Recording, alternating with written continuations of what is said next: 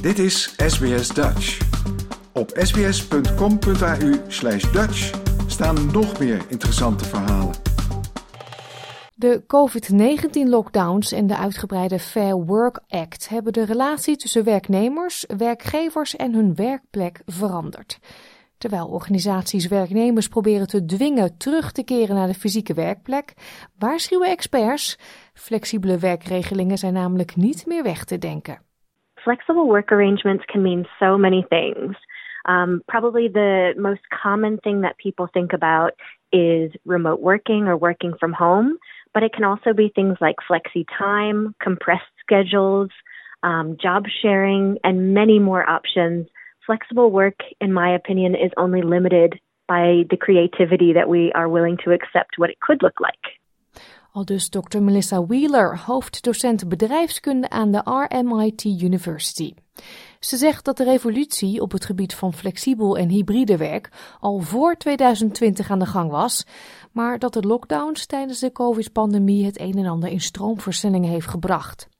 Nu, zo betoogt ze, zullen werkgevers die niet bereid zijn zich aan te passen, te maken krijgen met een uittocht van werknemers die op zoek zijn naar meer flexibele regelingen. People proved that they could do the work remotely and they could deliver um, what they were being asked to do even without being there. And so I think that they grew a bit of an expectation around, well, if I proved myself and I can do it, then I should have the benefits of, you know, paying less to commute, being able to pick up my kids and those kind of things. Melissa Wheeler zegt dat in Australië flexibiliteit het speelveld heeft geëgaliseerd voor mensen met uiteenlopende behoeften, waaronder verzorgers en mensen met een handicap, mensen in landelijke en regionale gemeenschappen en mensen met kinderen. John Hopkins, universitair hoofddocent management aan de Swinburne Universiteit, voegt daaraan toe dat flexibele werkregelingen ook gunstig zijn geweest voor werkgevers.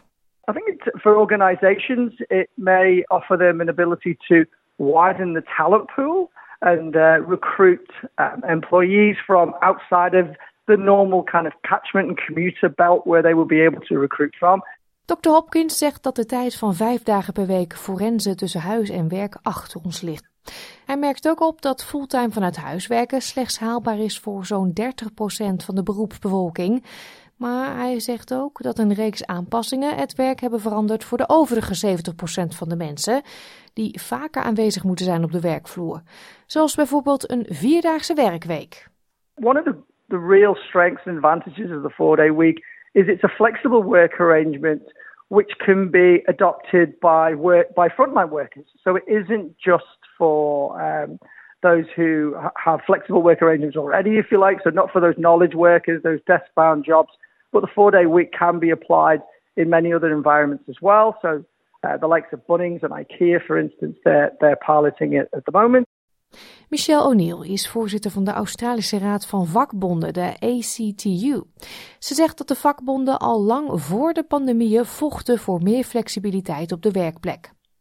Mevrouw O'Neill noemt de wijzigingen in de Fair Work Act, die in juni 2023 van kracht werden, een overwinning voor werknemers die op zoek zijn naar flexibele regelingen. In the past, they only had the right to request it. Now they've got, they've got a right to request flexible work, but the employer has an obligation. So the employer has an obligation to either provide those arrangements or give reasons why it's not reasonable for their business to do flexible work arrangements for that worker.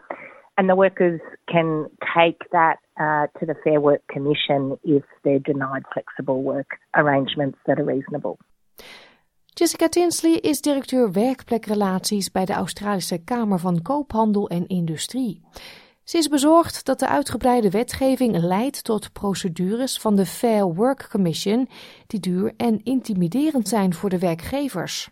From our perspective, the, the, the key issue is a one size fits all. So we really need to, to move away from a one size fits all where employees, and we're seeing this increasingly, employees pushing for a, a universal right to work from home. And we're seeing these more and more in enterprise agreements, for instance. I think we need to be avoiding that. Um, we need to be looking at this in a common sense way um, and looking at flexible work um, and hybrid work um, in a more, yeah, more, more general sense, more practical way, um, and having these discussions at the workplace levels. Mevrouw Tinsley zegt ook dat flexibele werkregelingen een negatieve invloed kunnen hebben op de productiviteit. Things like attending the face-to-face, um, you know, for mentorship, for training, for support. Those are sorts of things that really contribute to workplace productivity. So, you know, the, the, even something like social interaction will contribute to workplace productivity. During the pandemic in particular, we saw a lot of um, junior professionals really losing out um, because they had no choice but to work from home. Maar mevrouw O'Neill zegt dat de wetgeving, hoewel deze meer bescherming biedt, mensen er niet van weerhoudt om naar kantoor te gaan. It's not just employers that see the value of connecting with the co-workers and being able to collaborate and being able to see people and socialize with people and bounce ideas off people. So that's something that workers think about and uh, and want to do as well. So it's not always a source of conflict. More, it's an issue about how to negotiate this in a way that's fair. Zal de extra bescherming van werknemers werkelijk leiden tot een massale uittocht als niet aan hun behoeften wordt voldaan? U hoort dokter Melissa Wheeler.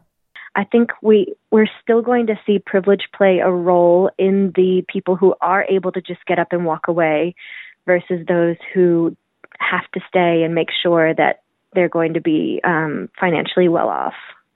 Maar Dr. John Hopkins is optimistisch over het nieuwe tijdperk dat volgens hem nog maar net is aangebroken. I think since the pandemic, companies are much more willing to try these things, and I think that employees are much more comfortable asking for these things. So it's quite an exciting time, and, uh, and I think certainly things like the four-day week, working from home, uh, we're, we're going to hear a lot about that in the year to come. U luisterde naar een verhaal van Ruth McHugh Dillon voor SBS Nieuws, door SBS Dutch vertaald in het Nederlands. Wil je nog meer soortgelijke verhalen? Luister via Apple Podcasts, Google Podcasts, Spotify of waar je je podcasts dan ook vandaan haalt.